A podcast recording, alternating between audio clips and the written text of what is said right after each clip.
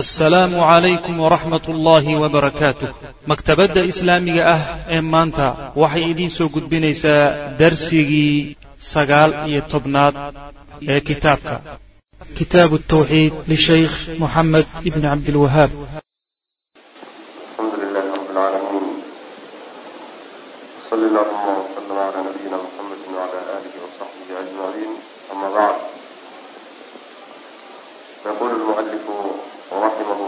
llahu tacaala baabu ma jaءa min altaqliid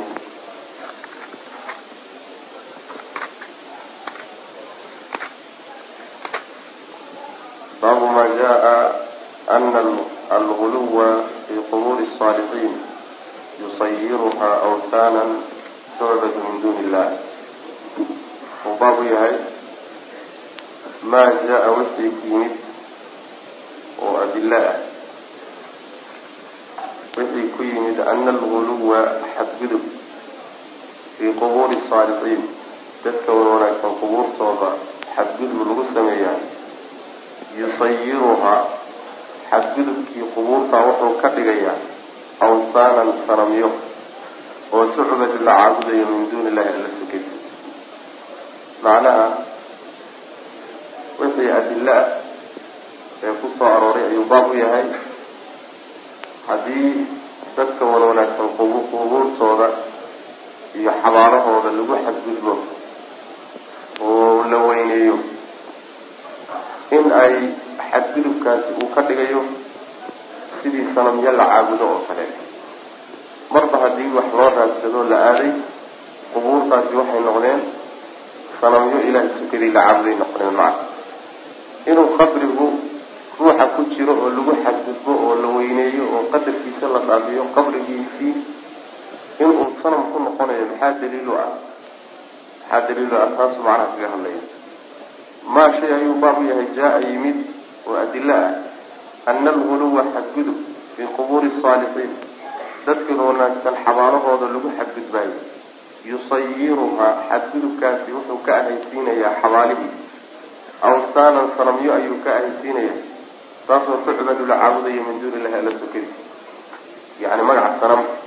iyo xukun sanam buu qaadanayaa qabrigii haddii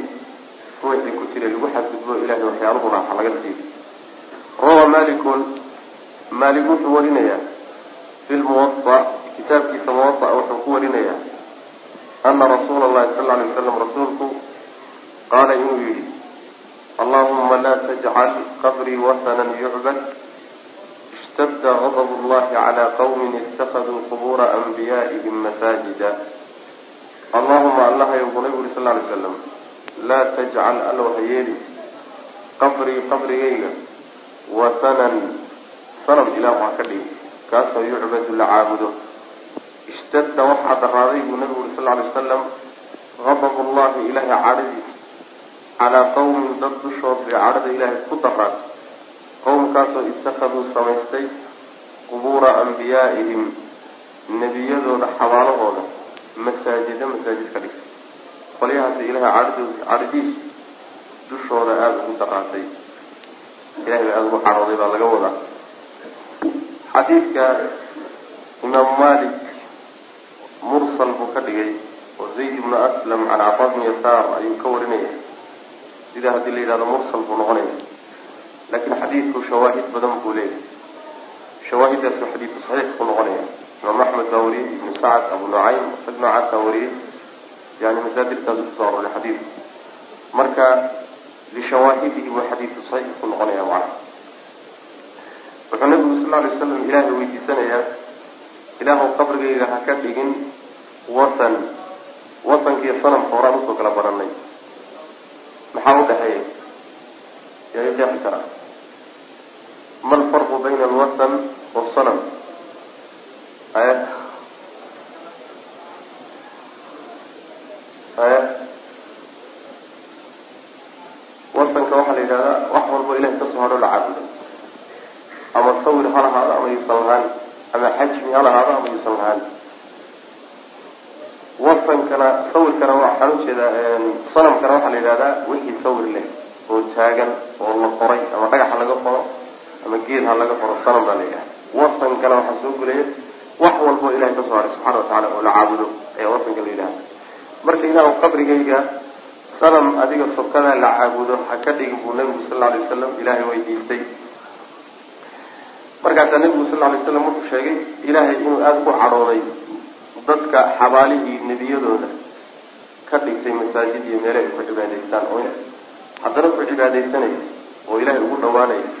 diisa aada dushooda ugu daraantay bu nabigu sal alay slam sida uu leeyahay baryadaas ilahay waa wuxuu leeyahay faajaaba rabu lcaalamiina ducaa'ahu waaxaatahu bihalaaثati ljudraani xataa gadat arja'uhu biducaa'ihi fii cizati waximaayatin wasiyaani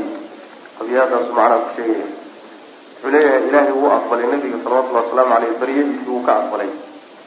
Wuxuuna qabrigiisa ku wareejiyey saddex dardi.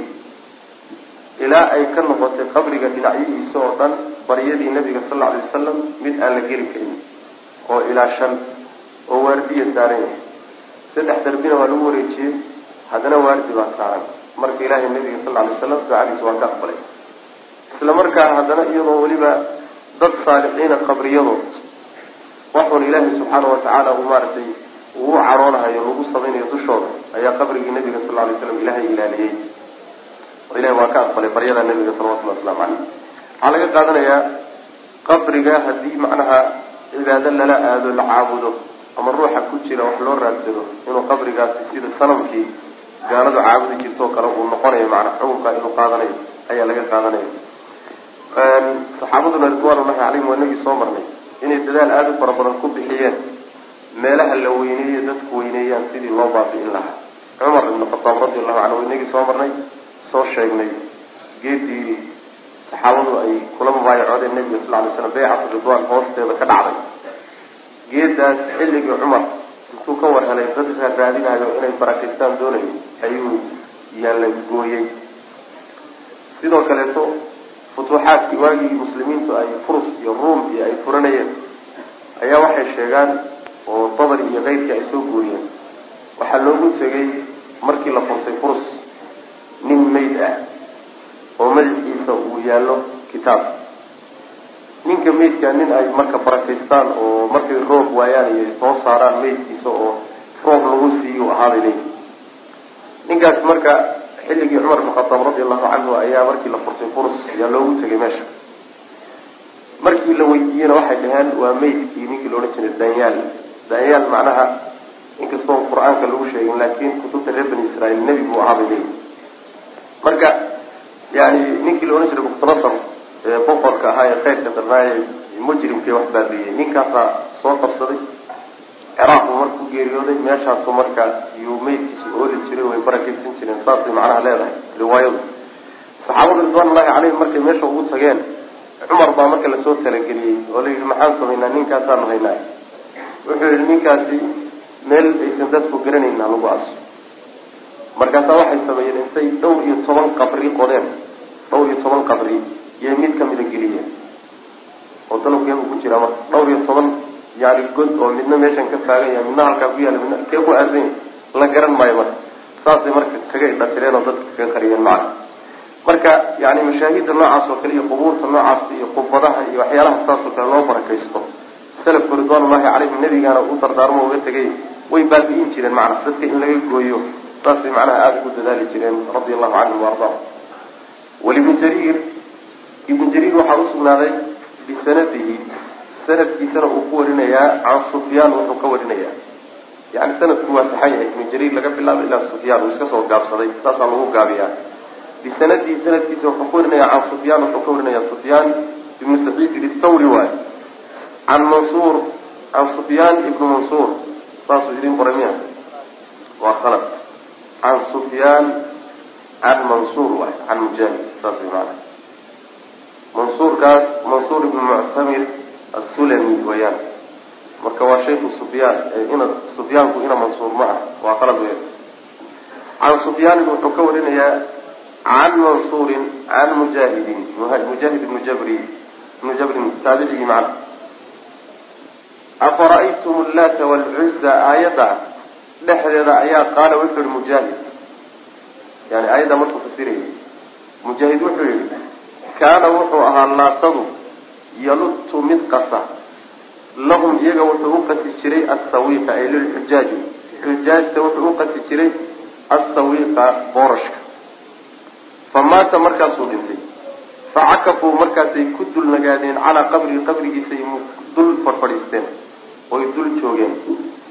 Wakadaka wakadaa sidaa oo kale mujaahid siduu yihi oo kale ayaa qaala waxaa yihi abuljawza ninka la yidhaaha can ibni cabaasin buuna ka warinayaa abuljawzaga ibni cabaas baa laga sheegayo abuljawza baa ka sheegay. Kaana wuxuu ahaa buri ibni cabaas yaludtu ninkaa laata la yidhaaha midkii qasuu ahaa asawiiqa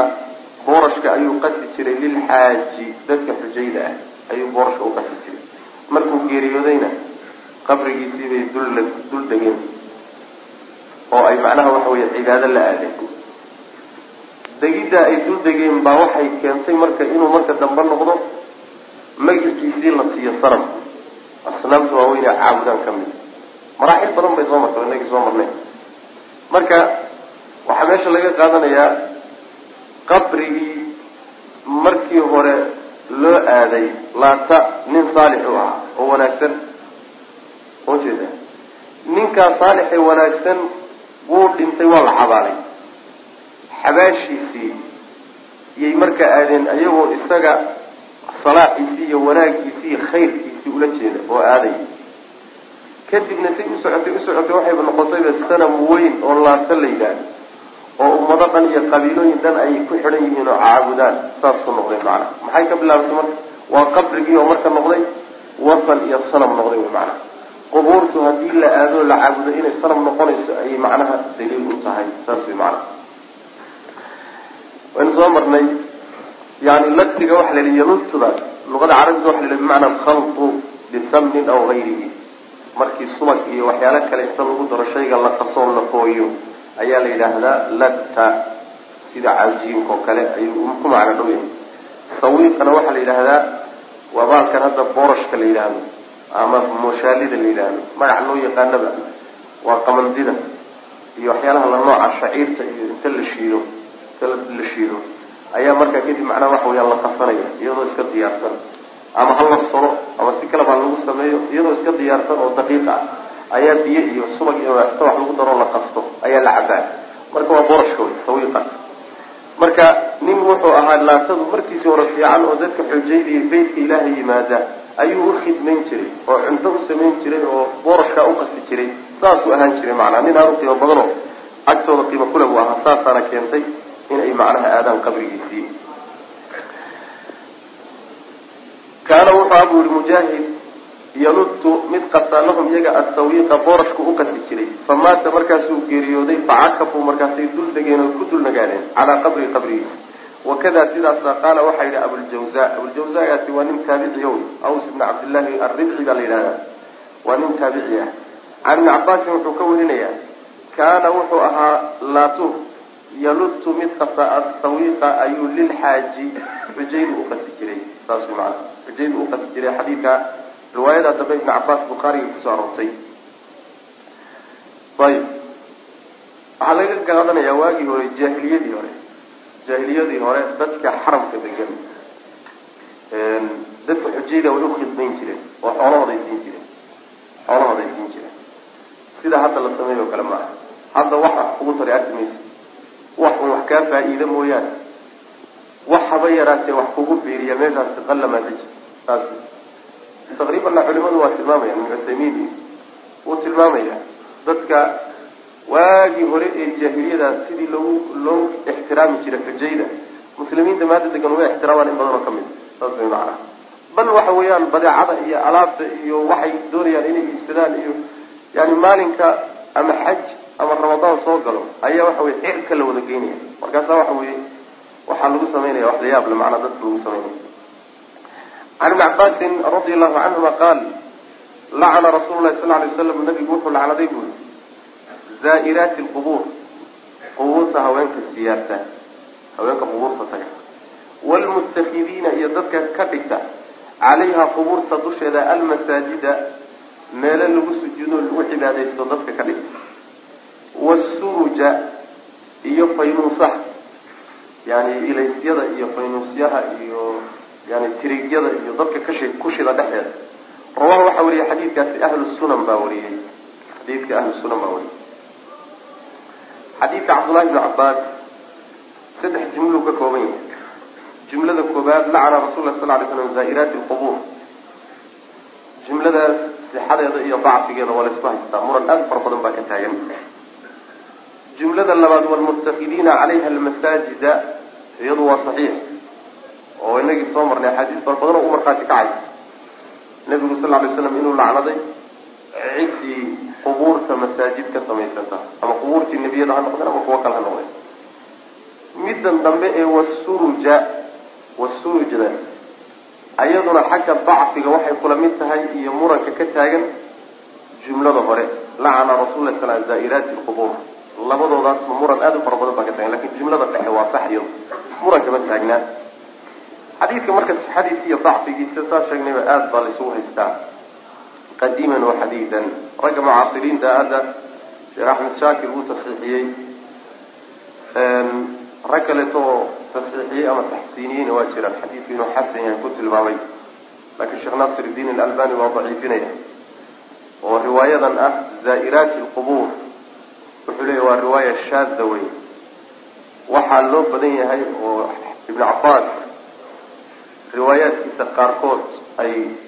tilmaamayaan.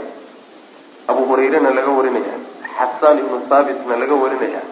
lafdi sidan ka gedisan oo ah lacana rasuulu lahi sal lay slam zuwaaraati lqubuur zuwaaraat lafdigaas yuu leeyahay yaa sax ah. Laakiin lafdiga zaa'iraat lqubuur ah waa daciif buu leeyahay. Qolada taxsiininaya iyo isaga oo tadciifinayana sababka laysku haystaayo waxaa ku jira nin la yidhaahdo yani waxa weeyaan saalax mawla umihani ninkaasaa ku jira. Waa nin aada muran badan abu saalix abu saalix mawla umihani oo muxadisiintu ay isku khilaafsan yihiin dacfigiisa iyo sixadiisa yani waxa wey siqanimadiisa iyo daciifnimadiisa. Ninkaasaa muran aada u fara badan ka taagan yahay macana saas weyaan xadiidkan marka saa markaan u garano murankaa ka jira sixadiisa iyo dacfigiisa mas'alada uu ka hadlayo oo haweenku qubuurta ma ziyaaran karaan. Horta qubuurtoo la ziyaarto waa sunno. Sidii sharciga ahayd in loo ziyaarto oo nabigu sal lay slam markii hore ummadda waa ka nahiyey. Waagii ay gaalnimada ku cusbaayeen. Diintana aynan aqoon badan ulahayn jahlina uu jiray. Waxaa laga cabsanaya inay ku fitnoobaan. Saas daraaddeed nabigu waa u diiday salawatullhi waslamu aleyh qubuur lama ziyaaran karo. Gadaal dambe nabigu waa ka fasaxay salawatullhi wasalaamu caleyh kuntu nahaytukum can ziyaarati lqubuur fazuuruuha fa inaha tudakirukum alaakhira horaan waxaan idin diiday qubuurta ziyaaradeede hadda ziyaarta bu nabigu sal lay slam waa laydin ogolaaday maxaa yeele aakhara idin xusuusinaysaa marka khilaaf kama joogo murano culimada dhexeeda kama taagna in ragga ay sunno u tahay inay qubuurta soo siyaartaan oo siyaarada la siyaaranayana waa siyaaradii macnaha sharciga ahayd ee sunnadu ay sheegtay oo nabigu sal alay slam laba arrimoodba waa loo ziyaaran buri laba ujeedaba uu sheegay mid weeyaane liannaha tudmicu alcayna wa tuxzinu lqalba wa tudakiru laakhira qalbiga way cabsi bay ku dhalisaa iyo murug aakharo. Ruuxan qabriga ku jira shalayta adoo kaluu ahaa markaad yani garab dhigto. Talabaadna isha ayay ilmo ka keentaa bu nabigu salawatullhi waslamu aleyh qubuurta markaad tagto waad ilmayn ee dadkan amwaada aada u tagto.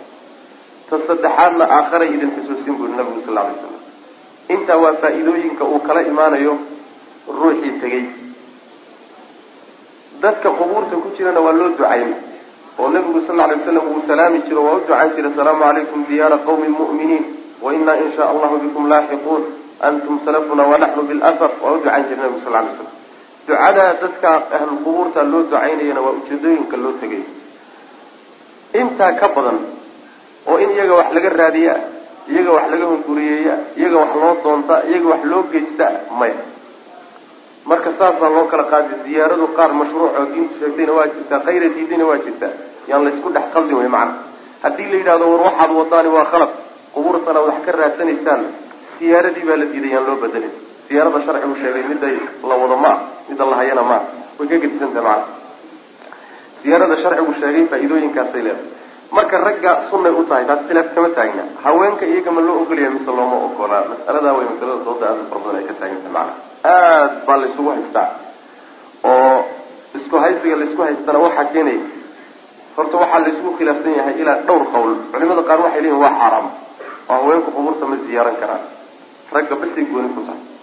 Waxay u daliishanayaan xadiidkan hadda aan dul taagannahay lacna rasul lahi sal alay waslam zaa'iraati lqubuur xadiidkaasay u daliishanayaan. Lacnaduna shay haddii sharcigu uu lacnado waa dembiyada waaweyn. Taxriim bay kutusi taasay daliishanayaan qolana waxay leeyihiin xaaraam mehe waa makruuh oo waa karaaha wey waxay daliishanayaan xadiidkii umu catiya radi allahu canha nuhiina can itibaaci ljanais walam yuczam calayha. Yani raacitaanka janaazada iyo ziyaarada isku mid ka dhigeen marka waxay yidhahdeen waa un karaahiye xaaraam ma gaadhsiisna. Halkaas iyaguna marayaan. Qaarna waa jaa-is bay leeyihiin way bannaan tahay. Qaarna waa sunnay leeyihiin qolada odhanaya waa jaa-is oo waa sunna waxay daliishanayaan haweenaydii nabigu soo maray salawatullhi wasalaamu caleyh iyadoo qabriga qabri dul taagan oo ilmo ka wiil ka dhintay u ooyeysa. Ee uu nabigu dhihi jiray iska sabir ee dhihi jirtay ilayka canii fa inaka lam tusab bimusiibatii ee u dhihi markii dambe nabiga u imaan jirtay sal lay slam ee ku dhihi jiray asabru cinda sadmati lula haweenaydaasi qabri bay dul joogtay nabigu kuma odhanin siyaarada qabrigu kuma banaanay iska tag maku odhanin macana taa waa laga qaadan xadan bay leeyihiin slam fazuruuha fa inu laakhira zuuruuha amarkaasi rag iyo haweenba waa soo gudagelaya. Maxaa haweenka lagaga saari marka? Xadiidkan haddaad tidhahdaana waaba daciif bay leeyihiin ma sugna agtanada ayib lafdiga kale ee sugan ee zuwaaraati lqubuur ah waa ka gedisan yahu isagu waxa weeye zuwaaraat lafdiga saxda ah ee la wada ogolyahay inuu saxiix yahay. Macnaha waa kuwa siyaarada badan. Zuwaaraat macnaha waxa weye waa siiqatu mubaalaqa kuwa noqnoqoshada ziyaarada badiye ee haweenka ah. Kuwaasaa lacnada ku soo aroray laakin ziyaara hal mar ama laba goor oo yar maya. Marka xadiidkana dood baan ka qabnaa. Waxaa kaleeto adilada daliishanayaan ka mid a nabiga salawatullhi wasalaamu aleyh habeen habeenada ka mid a isagoo caaisha gurigeeda jooga ayuu si deg dega uga baxay. Habeennimo wey ama barhkii kabuhu si wuxuu ku qaatay fudud albaabku si fudud u furay wuu baxay. Caaisha radiallahu canha marka inay huruduu moodaya way soo jeedaa. Markuu dhaqaaqay bay ka daba dhaqaaqday waxay isleedahay iyadu markaa amuu haweenkiisii kala aaday. Nabiguna meel kale u socdaa salawatullahi wasalaamu caleyh way ka daba gashay nabigu sal alay slam socday bu wuxuu tegay qubuurta muslimiinta ee baqiic. Baqiic. Halkaasuu marka muddo taagnaayo u ducaynayay. Cabaar markuu taagnaa iyaduna meel bay taagantao ma arag yani waxa weeyaan way aragtaa iyadu laakiin nabigu ma arka salawatullahi waslamu caleyh laakin waa u muuqataa mudutuusha mudutuusha nabigu waa arkaa salawatullahi waslamu caleyh wuu soo laabtay marka nabigu sal lay slam markuu soo dhamaystay wuu soo noqday iyaduna markay aragtay nabiga soo gadoomay bay ka soo hor oroday way soo socotay markuu soo laxadsay way soo laxadsay markuu macnaha waxa way ayar socda ayar bay socon gurigay ka soo horgashay. Markay soo gashay bay macnaha uu yimid iyadoo neef tuuraysa. Abaa dhacay bil maxaa kugu dhacay? Markaasay tii waxba ma jiraan nabi allo markaasuu yidhi ama warkaad ii sheegi waxa jira. Ama allah ii sheegi doona bay. Way cabsan marka hadda ka hor bay intay wax ka qariyeen nabiga sal lay isku dayeen. Yuu ilaahay u sheegay. Markaasay warka u sheegay markaasuu nabigu sal lay slam waxay ku tidhi macnaha markuu igu sheegay meeshuu ka yimid yay tihi nebi allo maxaan dhahaa anugu? Maxaan dhahaa? Yani inuu u soo duceeyey oo qubuurtii u soo ducey waxaas u sheegay. Anugu maxaan dhahaa? bay tihi marka. Markaasuu nabigu sal lay slam wuxuu ku yihi qulii assalaamu calaykum ya ahla diyaari min almu'miniin. Ducaday dhihi lahayd buu marka nabigu u sheegay sal lay slam marka caaisha waa haweeney. Haddana qubuurta markay tagto waxay dhihi lahayd buu nabigu u sheegay sal lay slam adilada iyo adilo kaloo fara badan ayay daliishanayaan qolyaha odhanaya haweeneydu qubuurta waa tegi kartaa kulligeed qolyaha diidani waa wada bushinayaan. Kulli adiladaas oo dhan bushi bay ku wada furayaan. Masaladu marka waa masalo dood aada u fara badan ay ka taagan tahay. Doodaana waxaa macnaha in lagu dooda keenaysaa idanka nebigu sal lay slam haweenkuma ku jiraan waa kow. Ta labaad xadiidkan aan tuu taaganahay ma asaxay mise ma asixin waa laba waa sababka labaad ta saddexaad hadduu asaxay isaga iyo axaadiista kale maxaa lagu jamcinaya? Waa sababka saddexaad. Asbaabtaasaa keenaysa in laysku khilaafo. Masaladu marka waa masale khilaafkeedu mashhuur yahay. Ragga ogol ee odhanaya waa sunno. Horta sida loo badan yahay ee culimada u badan yihiin qadiiman wa xadiidan waa ama inay xaaraam tahay ama waa inay karaahiyato labadaasaa loo badan yahay. Laakiin dadka ogol ee odhanaya way tegi kartaa way ziyaaran kartaa. Waxaa ka mid a alqurtubi waxaa ka mid a imaamu shawkani waxaa ka mid a sheekh nasir iddiin alalbani ayaa ka mid a oo masalada aada ugu niqaashay kitaabkiisa axkaam aljanaa-is doonta waa unoqon kartaa. Dadka diidan waxaa kow ka ah shaykhulislaam ibnu taymiya iyo culimadan hadda sacuudiga khaasatan sheekh ibnu baaz waa diidan yihiin ma ogola xaaraam inay tabi u arkaan. Ciddii masalada niqaashkeeda u baahata ha u laabato majmuucu lfataawa mujaladka labaatan iyo afraad safxada saddex boqol iyo afartan iyo saddex aada buu sheikhu islam ibnu taymiya masalada uga hadlay. Marka masale aan jasmin karna maaha waa adagtahay macnaha jasminteeda yani ragga ku hardamay iyo adiladeeda aada labada dhinacba xoog badan. Marka ninkay u hadal rajaxo laakin waxa weeye wallahu aclam baanu kaga baxayn fiihi masaa'il baabkan masaa'il dhowraa ku jirta. Xadiidka marka qaybtiisaasi waa taa. Qaybta labaad walmuttakidiina calayha almasaajida oo iska caddahay baynu soo marnay inaan qubuurta la dhisi karin ama aan lagu tukan karin oo cibaado lala aadi karin. Qaybta wasuruja odhanaysa qubuurta iyadana in macnaha waxa weeyaan la iftiimiyo ayaa la diidan yahay. Oo iftiiminta waxaa laga wadaa qubuurta ayaa nalal bay ku shidi jireen faynusay geen jireen iyo tireegyo iyo meeshaasaa la degi jiray marka. Marka sideedaba qabriga in uun hawl laga hayo uun ilays loogu shidayo mooyaane in xataa waxa weeyaan la ilaysiiyo qubuurta maya. Haddii ruux lagu aasaayo saasoo kale loogu baahdo dhib male laakin haddii kaleeto waa bidca wey maanaa ma banaana oo haddii la yidhaha xadidku waa saxiix. Haddii la yidhahda xataa xadiidku waa daciif waxaa inagu filan axaadiista kaleete nebigu sal ly slam uu bidcada kaga digayo macna kuwaasaa inagu filan. Fiihi masaa'il baabkan waxaa ku jira masaa'il dhowra. Alula masalada koobaadi waxa weeye tafsiru lawthan awthaantoo la fasiro.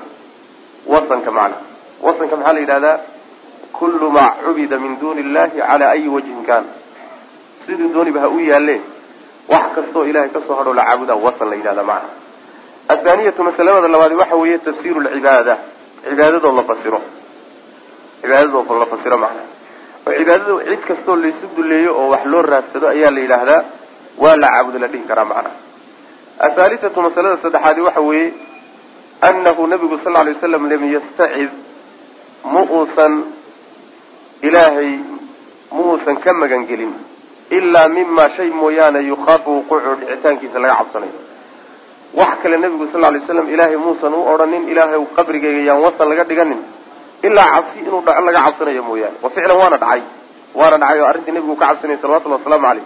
inkastoo qabrigiisa nebiga la ilaaliyey. Haddana dadka meelaha fogfog ka jooga qabriga ma yani suurtagal uma ahe. Nebiga sal lay slam way u dhawaaqdeen oo isaga waa la baryey oo macnaa laakiin qabrigiisa maya alraabicatu masalada afraadi waxa weye qarnuhu nebiga la xidhiidhintiisa bi hada arrinkaa uu la xidhiidhiyey itikaadi itikaada qubuuri alambiyaa nebiyada qabriyadooda oo laga samaysto masaajida. Macnaha qabrigiisa midda saddexaad anahu sal lla alay wasalam nabigu lam yastacid muusan ilaahay ka magangelin ilaa mima shay mooye wax kale muusan kana magangelin shaygaasoo yukhaafu laga cabsanayo wuquucuhu dhicitaankiisa macnaa waxa weeye qabrigayga ilaahu watan la caabudo sanam la caabudo ha ka dhigin markuu ilaahay leeyahay weydiisanayo. Waa un wax laga cabsanayo inuu dhaco saas macana wa ilaa hadduusan kaba cabsanayn inuu suurtagal ahay aynan ahayn inuu dhacabo muusan nabigu sal alay waslam ilahayba muusan ka magangelin macana araabicatu mid afraad waxa weeye qarnuhu nabiga la xidhiidhintiisa bi hada arrinkaa wuxuu la xidhiidhiyey itikaada qubuuri alambiyaa nebiyada qabriyadooda iyo xabaalahooda laga dhigtay masaajida masaajid laga dhigtay isaga kiisii markuu sheegay iyo nebiyadii kalena dabageliyey oo ku xijiyey ku xidhay qabriyadooda iyo xabaalahooda masaajid in laga inaan laga dhignin macna alkhamisatu midda shanaad waxa weeye dikru shiddati algadab cadhada ilaahay cadhada daraashaheedoo la sheego min allahi xagga ilahay cadhada xagga ilaahay ka timid oo daran inay qolyaha ku ku dhacdayna ama ay ku dhacayso oo iyadana la sheegay qadabka iyo cadhadu waa ilahay sifaadkiisa mid ka mid o tilmaamaha ilahay uu leeyahay sidaa inaan u daynaana fiican waxaba yaraatee addoommada cadhadooda iyo ta ilaahayna subxaana watacaala isuma eka wax isshabaha ma aha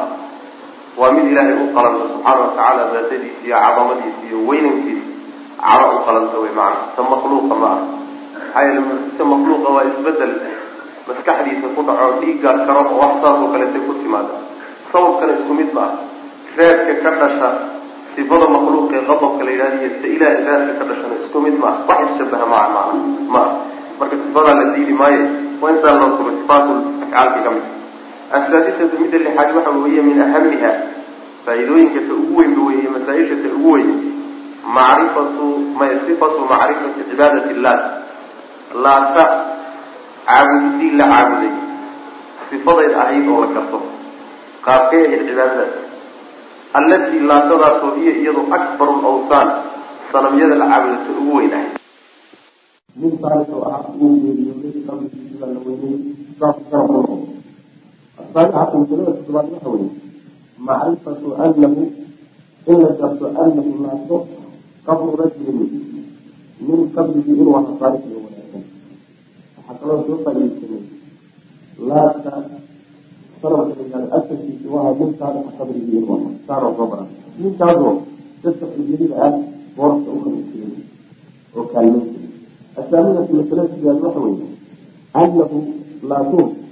ismu saaxibi lqabri ninka qabriga ku jira xabaasha ninka ku jira magaciisi wey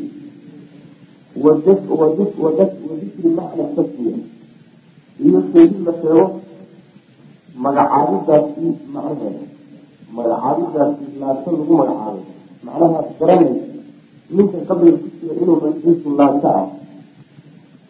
macnaha iyo sababka macnaha sababku ka wadaa sababka keenay in magaca loo bixiyo ah waxaa loogu bixiyey liannahu kaana yamusu tawbiiqa lilxujaaj camalkiisii iyo shaqaduu qabanteeda ee ixsaanka ahayd yaa magacaa looga soo dhambalay macna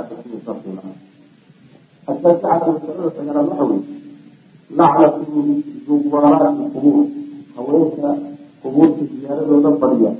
oo la lacnado odhanin zaa-iraatu qubuur muusan odhanin waxaad moodaa madhabka sheekh naasir diin albaniga ay marayaan taqriiban inuu ku dhow yahayo yani ziyaarahoo la badiyo ayaa la diiday oo haweenka loo diiday laakiin ziyaaraya looma diidanaa zuwaaraad lafdigaasu maray iyadoo lafdigii kitaabka ku yaalay saa ma ahayn lafdiga kitaabka ku yaalla wuxuu ahaa zaa-iraatu qubuur oo waa lafdiga ahli xadiisiinta qaarkood baa sujuud ku xukmeenay macna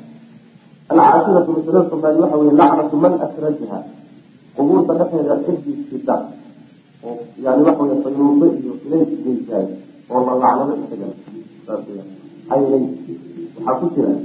horta qubuurtoo guluwi lagu sameeyo lagu xajiibo waa la dul dego cibaado lala aado waxaa intaa dheer silaadka iyo faynuuska iyo gaadka isticmaalaysa iyo yani shidaalka meesha ku baxaya iyo waa xoolow maal maal dayacan oo meel faa-ida la'aana ku baxayo idaacat lmaal lama soo xoolo la dayacay iyadana waa baabu maa jaa fi xinaayati lmustafa sal alay slam wuxuu baab u yahay maa jaa wuxuu yimid fii xinaayati lmustafa sal alay slam nabiga ilaalintii uu ilaaliyey jinaaba tawxiid tawxiidka dhinaciisa wasaddihi iyo nebiga awlidii uu awlay kulla fariiqin sid walba oo yuusilu dadka gaadhsiinaya ila shirki gaalnimo. Halkana wuxuu baab u yahay siduu nebigu waagi adag u saaray tawxiidka iyo dhinaciisa. Soolaha tawxiidka way macnaha soolaha tawxiidka. Iyo eriyada ka adka oo dhan ayuu nebigu ilaalo adag saaray. Ilaaladaa keliya weliba laguma daymine haddana sid walba oo dadka shirki gaadhsiin karuu ka xiray nebigu sal ly sl uu ka kufulay sidkii oo la kufulay iyo dhulkii duleedkiisa ahaa iyo saaxadii ka agdhaweyd oo dhan haddana waardi saaray saasuu macna ka dhigay macnaha waxa weye tawxiidkii oo waxaa laga dhigaya sidii wax inta dardi weyn lagu wareejiyey albaaba loo sameeyey albaabadii la wada kufulay shirkigaa laga xidhaya shirkigaa dadka laga xidhaya haddana wax alla wixii eriyada ka agdhawaa xayndaab kore inta loo sameeyey ayaa waardi haddana la saaray. Waardi adag baa la saaray macna macnaha siduu nabigu uga dadaalay salawatullhi wasalaamu caleyh ummadda inaysan shirki uga ku dhicin tawxiidkuna u ilaarsanaado oo uusan tawxiidku ka khaldanin oo ka barxanin. Dadaalku nabigu ku dhixiyay salawatullahi waslamu aleyh intaas kaamay baabu maa shay ayuu jaa yimid ku arooray oo adilo ah fii xinaayati nabigu sal alay slam siduu u ilaaliyey jinaaba tawxiidki tawxiidka dhinaciisa jinaabku jaanib wey macna tawxiidka dhinaciisa iyo darafkiisa dhexdiisa intaan la jaaninba iidiisii buu ilaaliyey wasaddihi iyo nebiga xiritaankiisa wuxuu ku soo arooray. Kullu kulla ariiqin sid walba xiday oo awday sidkaasoo yuusilu gaadsiin kara dadka ila sirki gaalnimo gaadsiin wa qawli llahi tacaala ilahay oo baabu yahay uu yihi laqad jaa'akum waxaa idin yimid rasuulun rasuul baa idin yimid. Min anfusikum oo lafihiina ka ahaaday. Lafihiina ka ahaaday macnaha ama waa carab oo waa carabi oo carab marka lala hadlay dhalashadiisii iyo awowgii iyo isadkii iyo kulli aad taqaanaa noloshiisii ama min anfusikum min jinsikum idinka jinsigiina oho bashar ah malaaigna ma ah jinnina ma ah wax kalena kama samaysna min anfusikum ummadoo dhan bay markaa noqonaysa waa bashar idinkoo kale casiizun rasuulkaasu ay ku adag tahay caleyhi dushiisa maa canistum ay canatakum. Dhibkiinaa ku adag wixii idin dhibaya rasuulkaasi waa ku adag tahayo arrin macnaha u fudud ma ah xariisun rasuulkaasu dadaalaya calaykum dushiina hanuunkiina iyo wixii faa-iide adduuniya maslaxa idinku jirtay mid aakharo ayuu idinkula dadaalaya. Rasuulkaasoo bilmu'miniina mu'miniinta ra'uufun midkii uturid badan ah raxiimun oo u naxariis badan. Fain tawallow hadday jeedsadaan marka faqul waxaa tidhahdaa nebiga xasbii kaafigay allahu alla allah igu filan. Laa ilaha il xaq lagu caabudana ma jiro ilaa huwa isaga mooye. Caleyhi dushiisaan tawakaltu tala saartay oo ku kalsoon oo ku xidhna wa huwa isagu rabbulcarshi carshiga rabbigii carshigii alcadiimi ee weynanka badnaa allihii rabbiga u ahaa ayadda wuxuu ilaahi subxaana watacaala ku muujinaya nabigeenu salawatullhi wasalaamu caleyhi iyo soo diridii jannada weyne ilaahi subxaana watacaala inoogu galay arrintaa iyada ayaa lagu muujinaya horta waa rasuulilahi idin soo diray idinkuuna idinka waa bashar idinkoo kale haddii diinkii kale ahaan lahaa mabaa inaan isfahaneen sa saddexaad. Waxaa laba shay dhib ah aad ku dhibaatoonaysaan wuu idinla nacabya uma fududa oo uma sahlana. Wax idin dhibaya uma sahlana nabiga salawatulli wasalam waa ku aragta wax la macnaheedu waxa weeye diinku la waa diin sahlan oo fudud. Saa daraadeed nabigu sal alay slam waa kii odhan jiray ina diina yusrun. Diinku waa fudud ah ta kale waa kii xadiidkii ku soo arooray. Yani nabiga sal alay slam lama doorgelin lama arrimood ila khtaara aysarahuma labadooda midka fudud buu nabigu dooran jiray sal alay slam haddii laba arrimood la doorgeliyo maa lam takun isman haddayna dembi ahay hadday dembi tahay nabigu sal alay slam kaana min abcadi innaasi minha dadka ugu fogay ka durugsan buu ah laakiin haddayna dembi ahayn laba arrimood kolba kii ummadda u fudud buu nabigu u doori jiray salawatullah waslamu caleyh marka yani wax alla idin dhibaya nabiga sal alay slam waa ku adag kow dushiinuu ku dadaali oo wax alla wixii awoodiisa geed dheer iyo geed gaabawada u fuulaya wixii maslaxadiini iyo dantiini iyo manfacadiini aakhariya adduunba ayuu ku dadaalaya nabigu salawatullah waslamu caleyh mu'miniinta waa kii ufurid badan oo u naxariis badan. Ilahay labadaas namood buu ku tilmaamay. Mu'miniintu u turi oo wixii dhibayu uga turi oo wixii keesinayu ugu turi wuuna u naxariis badan yahay oo wixii masaalixdooda iyo danahooda inuu ka shaqeeyo aada nabigu salawatullhi waslamu isugu taxallusin haddii marka intaa markaad ku tidhaahdo ay kaa jeedsadaan hadalkaas kadib hadday jeedsadaan oo qaadan waayaan waxaad tidhahdaa ilahay baa igu filan. Waxba idinkama baahni waxbana la idinku fadhi maayo. Mid xaq lagu caqli ma alla mooyaane subxaana watacaala isagaan kala saartay oo arinteyda u dhiibto ku kalsoona. Waana carshiga weyne makhluuqaadka ilahay ugu weyn isagaa rabbi u ah. Carshigii weynan ka badnaa. Saas dabaa nabiga salawatulli waslamu caleyh carshigu marka waa acdamu lmakhluuqaati cala litlaq intii ilahay abuuray subxaana watacaala uu ugu weynay makhluuqaadkuna ugu sarreeya ilahay ubaa ka sarreeya subxaana watacaala saas macana makhluuq ka sarreeyaay ma uu jiro. Waana midka qur'aanka ku soo arooray ilahi subxana watacaala inuu ku ekaaday oo ka saramaray saasaa qur'aanka kusugiyo sunada nabigeena salawatulli waslamu caleyh yani kursigaa soo raaca kursiga isagana makhluuqaadka ugu weyn. Ilahi subxaana watacaala kursigiisa uu sheegay. Marka qaabka u yaalaana garan mayno qaabka ilahi subxaana watacaala uga ekaaday ee uga saramarayna garan mayno laakiin saa inaan u rumayno intaasaa tabarteena intaasaana waajibin waa marka waxaa loo keenay nabigu sal alay wasalam maadaama uu yahay wax alla wixii idin dhibaya maadaama ay dhibayso oo ay ku adag tahay wixii idin dhibaya dadaalna uu ugu jiro wax alla wixii faa-iidin iyo dinihiina inuu ka shaqeeyo idin badanya idin naxariis badanya waxay keenaysaa inuu nabigu sal alay wasalam tawxiidka oo diinta ra'samaalkeedii asaaskeedii ah muslimiintana mabda-a ugu weyni ay haystaan inuu nabigu sal alay wasalam u ilaaliyo waxa weeyaan waa shaygii ugu weynaayo ummadaba nabiga salawatulli waslamu aleyh loogu soo dejiyo ma halkaasaa macnaa laga delisanaya uu sheekhu u keensaday wa ficli nabigu sal alay wasalam wax uu ummadda uga tega ma xataa sida uu leeyahay abu dar shimbir xataa hawada marayana ha ahaatee wuxuusa nabigu wax nooga sheegin maba jiraba salawatullah waslamu aleyh saas waxba kama tegin. Wax alla wixii sunno inoo dhaweyn lahaa waa inoo sheegay. Wixii naar inaga fogeyn lahaana waa inoo sheegay nabigu salawatullah waslamu caleyh waxba kama tegin diinta macna can abi hurayrata radi allahu canhu qaal abu hureyre waxaa laga warinaya inuu yihi qaala rasul sal ly sl nabigu wuxuu yihi laa tajcaluu ha ka dhigina buyuutakum guryihiina qabra qubuuran xabaala ha ka dhigina. Guryihiina xabaala ha ka dhigina walaa tajcaluu ha ka dhigina qabri qabrigaygana ciidan mid aada ku soo noqnoqotaan wasalluu calaya igu salliya meel alla meeshaad joogtaanba igu salliya maxaa fa ina salaatakum salligiina iyo ducadiina aad ducaynaysaan ayaa tabluquni isoo gaadhaysa xaytu kuntu meel alla meeshaan ahay rawaxa wariya xadiidka abu daawuud biisnaadin buu ku xasanin oo wanaag ruwaatuhu xadiidka ruwaadiisuna iqaatu waa ragga ugu wada kalsoon yahay. Xadiidku sanad ahaan marka yihahdo waa xasan sanadkan. Laakiin wuxuu leeyahay shawaahid fara badan oo saxiixan lishawaahidi saxiix wuxuu noqonaya shawaahid fara badan axaadiis kaloo badan oo umarkaasi kacaysan waa xadiis saxiixa marka wuxuu nabigu lehy sal alay wasalam guryihiina qubuurha ka dhigina laba macnoba waa laga wadaa. Macno waa mid guryihiina xabaala ha ka dhigina guryihiina sidii xabaalaha oo kale ha ka dhigina waa suurtagal oo xabaalaha maxaa maxay xabaalaha lagu yaqaanaa oo guryaha loo diidaya xabaalaha waxaa lagu yaqaanaa inaan lagu tukanin oo salaad lala aadin. Guryihiina marka salaada yani waxa weya salaada ha seegtimina oo salaadiina guryaha ha ka qadimina sida xabaalaha oo kale. Xabaalaha lagu yaqaana in salaada lagala xarre oo salaada laga qadiyo oo salaad lala aadin guryaha saasoo kale ha ka dhigin. Saasi waa macno oo saxaabada waxay yaqaaneen oo agtooda caan ka ahay qabriga inaan salaad lala tegin. Guryihiga marka lagu shabo waxa la guryaha saasoo kale ka dhigina maxaa la rabaa marka?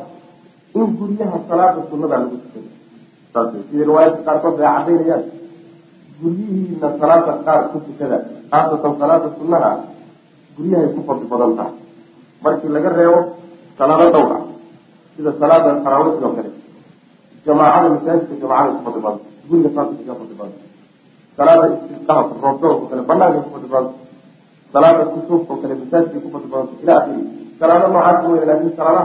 intooda badan guryahay ku macana xataa masaajidka nabiga sal masaajidka xaramka guryaha lagu tukaday kaga saas marka taasi waa macno oo qubuurtii masaajid maxaa jiraa guryihii salaada wax ka siiyo oo xabaalo oo kale ha ka dhigina macnaha labaadi waxa weye guryihiina xabaalo ha ka dhigina oo dadka ha ku aasina. Gurigii waa guri la degan yahay. Xabaalaha ka dhigina dadka lagu aaso dadka dhintay qubuur bay leeyihiin meel loogu talagalay. Meesha loogu talagalay ku soo aasa laakiin guryaha dhexeeda ha aasin maxaa yeelay dhibaato badan baa ku jirto. Ruuxii deganaanshaha lala degan yahay iyo qaylada lagu dulqay inuu ku dhibaadsado waa labaad gurigii waa boos oo dadkii dhaxalka lahaa baa ku intifaaci lahaa. Iyadana intifaacooda inuu laga yaaba ta saddexaad weeyaan qubuurta muslimiinta ay ku jiraan ee lagu wada jiro dadka dulmarhaya dadka siyaaranaya ducada ay u ducaynayaan lagu ka qari ruux oo meel gooni iyo guribaa lagu abo lagu macnaa waxa weye lagu qufulay intaasoo dhan ba waa loo diiday. Labadaa macna xadiis waa macna marka ujeedada laakiin xadiidka uu sheeku ka waa midda horo qubuurta inaan salaadba lala tegin oo salaad lala aadin. Arrinkaasi caam buu ka aha saxaabada nabiga sal alay waslam dhexdooda macna taasi waa macnaha koowaada xadiis faiidinay talabaad nabigu sal alay slam wuxuu yihi qabrigayga ha ka dhigina ciid haka dhiganina ciidda waxaa la yidhahdaa shay la caadayso oo lagu soo noqnoqdo ama isagu soo noqnoqda caadayso macnaa waxa weyaan ama bishii mar ama toddobaadkii mar ama sannadkii mar ciiddaa la yidhahda laysugu yimaado. Shay noocaasoo kale ahoo aada si joogta ah aada ugu soo haka dhiganina wy maa maxaa la doonayaa haddaad masalan ba aad iska tagto masaajidka nabiga booqato salawatu wasalaamu aleyh soo salaan mar soo salaan laakin qabriga nabiga sal lay slam in aad uqasato saasaa la digaya macana oo ciid oo kale ha ka dhigana shay aad ku soo laalaabataan oo qabriga nabiga sal lay slam saasoo saasoo kale qabrigeyga haka yeelina ayuu nabigu yuri salawatulli waslamu aleyh waxba qabriga ha imaanina wy macana waxba qabriga inaad timaadaan looma baran inaad ku soo laalaabataanna looma baran ciid sanawi a inaad ka dhigataan sanadkiiba hal mar wuxuu tagana looma baran mid toddobaad ana inaad ka dhigataan looma baran mid maalin walba ana looma baran saas nabigu rabaya salawatullah waslamu caleyh ayib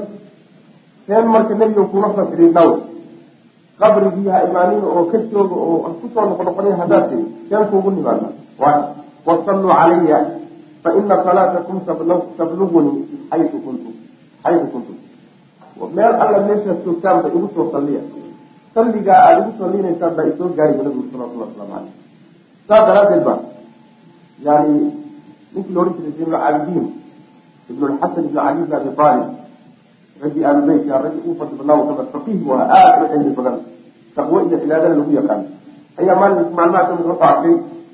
nin sahal la yidhaahdo oo qabrigii nabiga salawatullahi wasalaamu caleyh aaday. Markaasuu yidhi ninkeeno kaala ila soo cashay marra wiga cashan markaasaa wuxuu ku yidhi masaajidkii adoo galay baan ku arkahayay maxaad ka doontay? Markaasaa wuxuu ku yidhi yani waxaa u jeedaa qabriga nabiga sal ly slam maxaad ka doontay buu kuyidhi markaasaa wuxuu ku yidhi yani waan soo salaamay nabigaan soo salaamay. Markaasaa xadiidkan buu usheegay wuxuu ku yidhi nabiga sal lay slam wuxuu yihi laa tattakiduu qabrii ciidan walaa tattakiduu buyuutakum maqaabira. Qabriga nabiga sal lay slam adigiyo ka undulas jooga undulas macnaa waxa wey waa isbayn iyo wartakiif iyo dhulkaa dhulkii macnaa la odhan jiray yani waxa weeyaan yani dhulkii jiray ardu undulas muslimiintu lahaan jireen laga qaato dhulkaa ninka dhulkaa jooga iyo adigoo madiine jooga nabiga salawatulli wasalaamu caleyh hadalkiisa hadalkiina waa u siman yahay meeshaad joogtaba nabiga ku soo salli buy salawatulli wasalaamu caleyh waxba qabrigiisa hawsii u dhowanayo ha aadida macana saas wey marka meel alla meelaad joogtaba markaad nabiga ku sallido salaamta iyo salaada iyo ducadaadaas waa loo geyno waa la gaadhsiy oo talow see loo gaadh say ku gaadhaysa ma telefoon baa nabiga u rakibo salawatulli wasalaamu caleyh say ku gaadhaysa way gaadhiyo qaabkay ku gaadhaysa xadiid kale lagu cadiy xadiid cabdullahi bin mascuud uu warinay imaam axmed baa xadiidka soo saaray nisaa-i xaakim iyo keyrkiina way kusaxiyeen saxiixuljaami safiirku albaanina ku saxiixiyay xadiidkaas xadiidkaasi wuxuu leeyahay oo nabigu odhanaya salawatulli wasalaamu caleyh ina lilahi malaa'ikatan sayaaxiin fi lard yuballiquunii min ummati assalaam ilahay wuxuu leeyahay malaa'ig dhulka ku wareeg oo iska wareeg malaa'igtaasoo ummadayda salaamta i salaamaysa iga soo gaadsiinaysa wax alla wixii ummaddu salaam ay nabiga salaamaysa iyo salligay salliyayso malaa'igtaasoo qaadayso nabiga u geynaysa salawatullahi wasalaamu caleyh marka kay meeshaa ag joogiya ka halkan joogaay waa u siman yihiin halkan ha laga salaamo nabiga sal ly sl laakiin qabrigayga ha ku soo noqnoqonina bu nabiga salawatullah waslamu aleyh saas man maxaa qabriga ku noqnoqoshadiisa waa nagi soo marnayo. Waxaa laga cabsanayaa inuu dadka shakiyaad oo weynin iyo loo yeesho. Waficla waana dhacday. Kutub badan oo kutubta macnaha qolyahan duruqda ah waxaad ku arkaysaa waxay qaarkood ka fadilayaan qabriga nabiga sal alay wasalam kacbad wax walba waxay leeyiin qabriga nabigaa ka fadilay iyo qubada wafi lqubati alkhadraai daha nabiyuna. Qubadaas iyo nabiga qabrigiisa ayaa kacbada ka fadli badan qaarkood dhaha waxaas kale gaar kacbada qabriga ka fadli ma aha nebiga nebiga inuu kacbada iyo qeyrkeedba ka fadli badan yahay kuma jiro laakin waa carada meesha taalo iyo qabriga nabiga ku jira salawatullahi waslamu aleyh saas man saas daraadeed ba dadka in badan oo ka mid ah caamada iyo dadka jahiliinta ah markay xajka u socdaan xajkaba in badan oo ka mid a waxaaba kala weyn ba qabriga nabiga salawatullahi waslamu aleyh culimaana dadka qaarkaasi ku soo jiinayso yani waxa weye madiine in lagu hormaro qabrigii la tago marna qabriga laga imaanino ilaa aakhiri masaajidka nabiga soo siyaaro salawatullahi waslamu aleyh culimada islaamku waxay diidayaan xataa inaad u qaban qaadato i diyaar garowdo oo sahay u qaadato oo awr u rarato ama aad diyaarad u raacdo oo baabuur u qaadato qabrigii nabigaa soo diyaaranaya salawatullah waslamu safar inaad u gashaan miskiin maxaa yeelay nabigu sal alay slam waa ka odhanaya laa tushaddu rixaalu ila ila talaatati masaajid. Cibaado sideedaba meel cibaado loo aadi karo saddexdaa masjid baa ka jira. Oo macnaha loo raran karo oo gaadiid loo qaadan karo sahay loo qaadan karo safar loo geli kara macna saddexdaa masjid baa jira. Xarabka masaajidka madiina iyo masaajidka ku yaalla bayt lmaqdis masjid laqsa saddexdaa masjid meel kaloo cibaado loo aadi karo loo aadi karo markaa len macnaha loo safri karo oo sahay loo qaadan karo saas marka xadiidka odhanaya laa tushaddu rixaalu masaajida basa gooni kuma xataa saxaabadu ridwaan ullahi calayhim waxay jireen cabdullahi ibn cumar iyo ragle buurtii la jiray buursiina ee nabiyullaahi muusa loogu waxyooday ayaa ragga qaarkii aaday markaasaa waxaa ka warhelay ibn cumar iyo ragla ka warhelay way u diideen. Maxaad loogu diidaysaan marka la yidhi? Waxay u daliishadeen xadiidkan ah laa tushaddu rixaalu ila ila salaatati masaajid marka masaajid keliya gooni kuma ahee fahamka saxaabadu kuu kutusayo meel walba cibaado loo aado loogu rabto macna saas daraadeed saas daraadeed ayaan la ogolayn. Masaajid yani qabrigii nabigaan soo siyaaranaya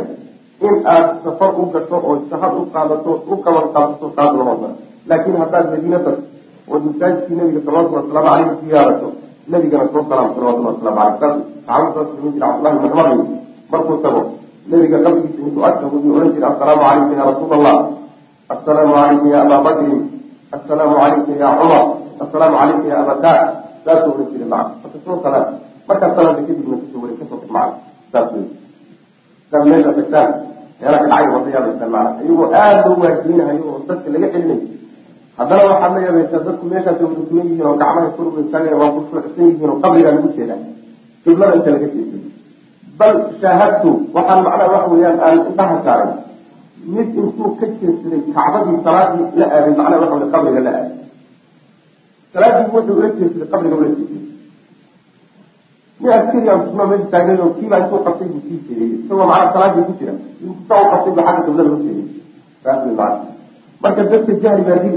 jahrigana waxaa u sii kabagelinaya dad culimo sheeganaya u sii kabagelinaya macna qaala rasul lah sal l rasulku wuxu uhi laa tajcaluu hayeelina buyuutakum guryihiina ha dhigina qubuuran xabaala ha ka dadka ha xabaalina ama meehe sida xabaalahoo kale ha ka dhiginoo salaada ha u diidina salaada ku tukada ayna guriga salaada way hurisaayo barako badan bay leedahay shayaaiintana waa ka ilaali walaa tajcaluu ha dhigina qabri qabrigayga ciidan mid lagu soo laalaabto oo ciid ah ha ka dhiganina inaad ku soo noqnoqotaan wasalluu calayhi igu tasalliya meel alla meeshaad salawatullah wasalaamu calayh faina salaatakum salaadiina tablugnii way soo gaaraysaa xaysu kuntum meel alla meeshaad tihiin rawa abu daawuud baa wariyay biisnaadin xasanin ruwaadu xadiidka ruwaadiisuna siqaatun farugu ugu wada wacan caliyi bn xuseyn caliy bn xuseyn ibn cali bn abi aalib waa ninkan hadda sheegayna zayn alcaabidiin annahu ra'a wuxuu nin bu arkay oo yejiu imaanaya ilaa furjatin meel banaan meel yaraha yani waxa weye yaro banaano sida berishadahan oo kale. Meeshaasoo kaana hay cinda qabri nabiy sal lay sl nabiga qabrigiisa agtiisa ahay fayadkulu fiiha markaasuu meeshaa gelaya fayadcu markaasuu halkaa ilaahay ku bareeya. Fanahabu cali bn xusein baa usiiyey waa nabiga salawatulli wasalaamu aleyh awowgiia faatima dhashay faatima yani cali bn abi aalib xusein ibn cali baa dhalay oo nabiga awowgiia gabadhiisii faatimu ka farcamay saas way macana marka isagoo saas oo aalu beytkii ah yuu haddana u diidan yahay dadka leeyahay ruuxaa qabriga u sii dhudhuumanahayo oo meeshaa sii gelahayo qabriga agtiisa ilahay inuu ku baryo doonayo nabiga qabrigiisa wey yuu diidan yahay. Uu leeyahay maya kadaa buu leeyahay wa qaala markaasaa wuxuu yihi cali bn xusein ana uxadiisukum maan idiin sheega bul xadiisan xadiis miyaanan idiin sheegay xadiiskaasoo samictu waa aan ka maqlay min abi aabahay xusein ibn cali waay can jaddi isaguna awowgii buu ka maqlay cali bn abi aalib can rasuuli lahi sal alay wasalam calina wuxuu ka maqlay rasuulku ka maqlay. Qaala rasuulku sal lay slam isagoo le ayuu maqlay laa tattakiduu ha ka dhigina qabrii qabrigayga ciidan mid aada ku soo laalaabtaan ha ka dhiganina sida ciidii oo kaleo sanawiyan iyo bil iyo saasoo kale aada ugu timaadaan maa walaa buyuutakum guryihiinana ha ka dhigina qubuuran qabriya ha ka dhigina wasalluu calayhi igu salliya. Fa ina tasliimakum salaamtiina aad salaamaysaan. Yabluqnii wuu isoo gaarayaa ayna kuntum meel alle meeshaasiin rawaha wuxuu wariyey fi lmukhtaara ayuu ku wariyey. Mukhtaaradaas macnaha diya maqdasi waay. Diya maqdasi ayaa iskale ninka la yidhahdo mukhtaaradu waa kitaab magaciisa kitaabkaasuu ku wariyey maqdasi xadiidku waa saxiix lishawaahidi sidoo kale. Shawaahid buu leeyahay busa waa saxiixun waa xadiis kale umaqad jacalka sita waa saxiix xadiiskii horeba isku macno yihiin ma kala duwanaa saas weyaan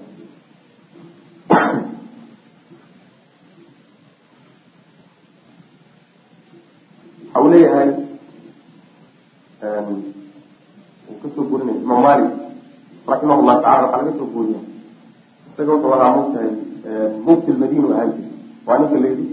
laa yufta wamalikum fi lmadina yani madiina cilmigii taarikiinta ninka dhaxlay buu ahaa sheekhu shaaficina waa ahaa dadka imaamu malik wuxuu u diidi jiray qabriga nabiga salawatullahi wasalaamu calayhi aad buu uga hor istaagi jiray wuxuu fatwoon jiray salaadtaa wax ka badan inaan lala tegin xataa ruuxu markuu meeshaas tago uu ducaysanayo sublada haujeedoon salaamta hadduu saa u salaamanayo sii taagnaanay ha ka dhaqaaqo saasuu ohan jiray imaam malik imaamu daar hijra madiine sheekeedii weye shekaaficina sheekiisana maca arrinkaana saxaabada ayuu iyo taabiciinka ayuu ka soo jeedaa weya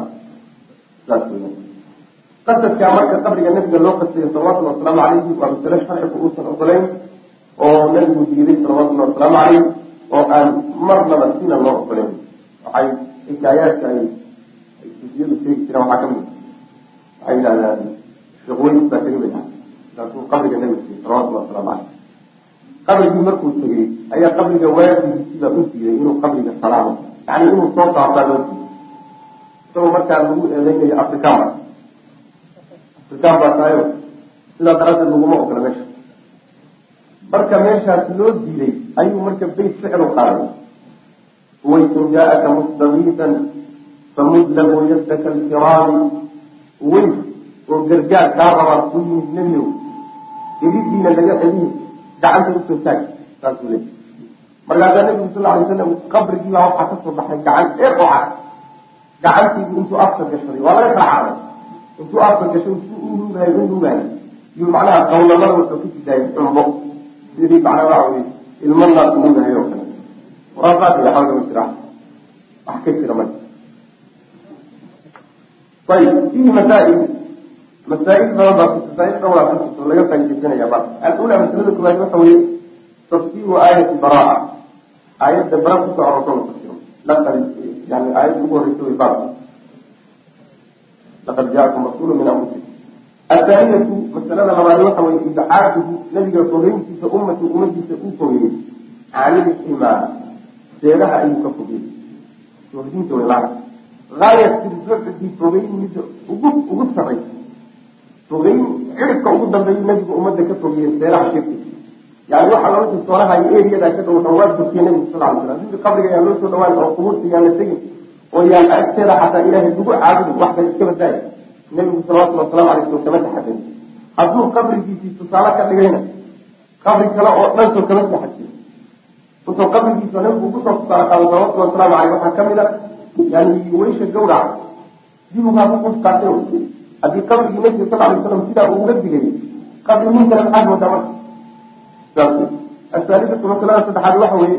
dikru xirsihi dadaalkiisii oo la sheego calayna nabiga dusheena uu ku dadaalay wa ra'satii iyo nabigu sal lay wasalam sidii inoogu turayay wa raxmati iyo naxariis ra'sada iyo raxmada waxaa u dhexeeya ra'sadu way ka xeel ra'sadaa ka ra'sadu waa naxariista mideeda xeesha dheer macna araabicata masalada afraad waxa weye nahyu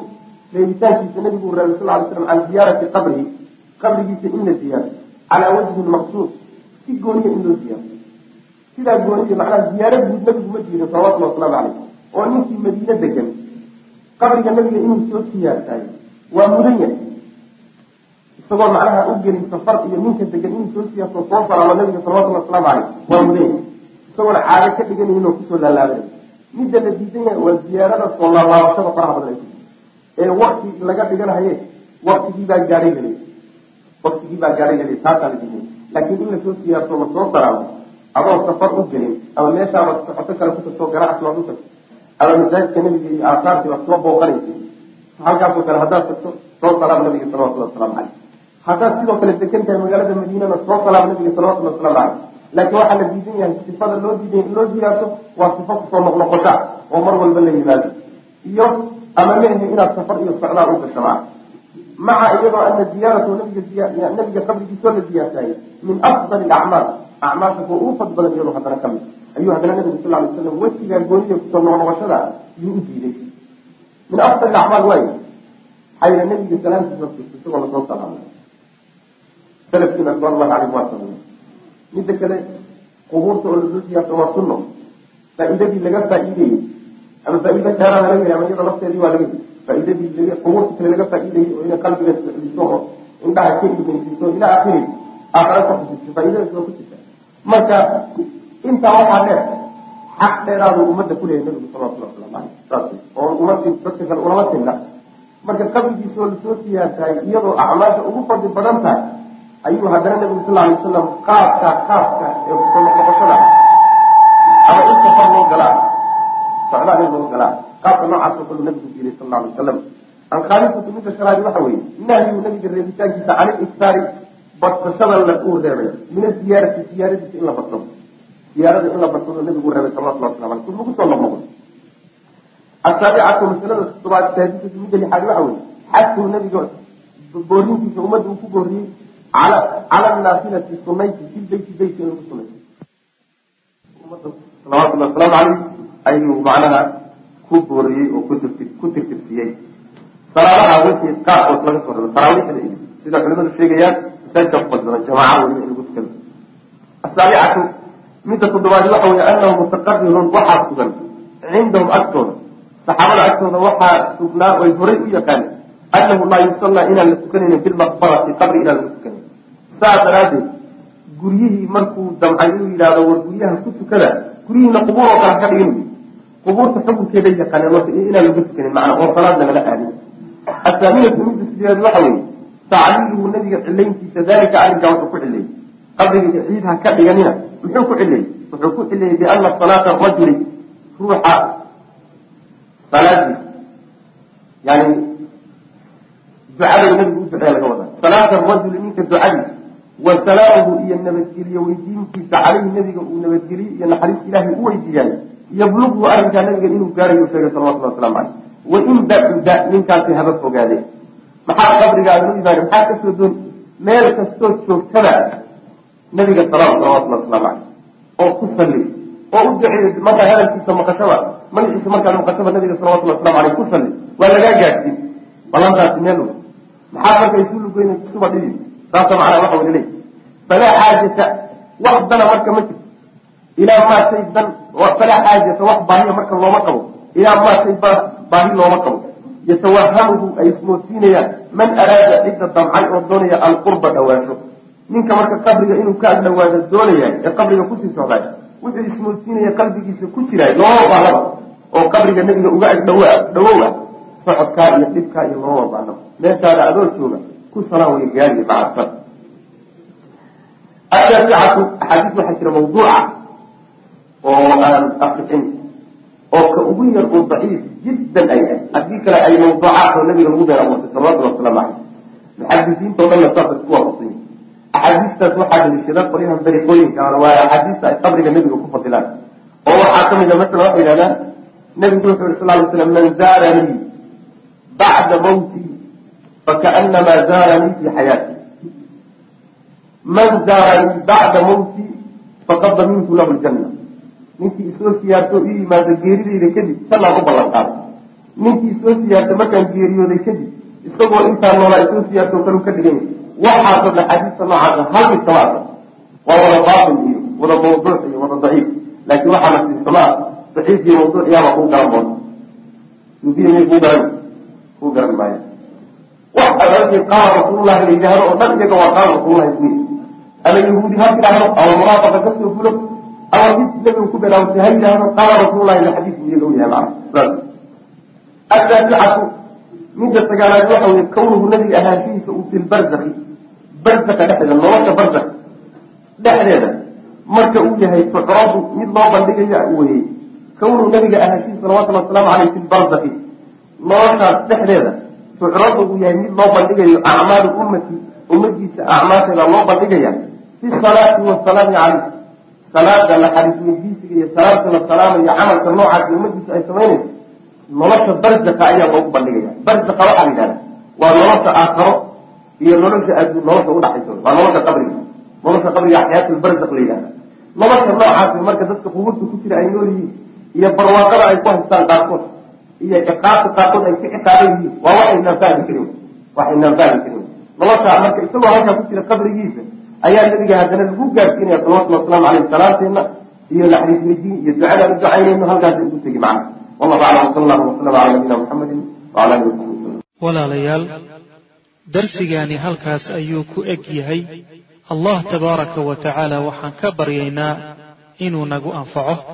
Assalaamu calaykum waraxmat ullaahi wa barakaatuh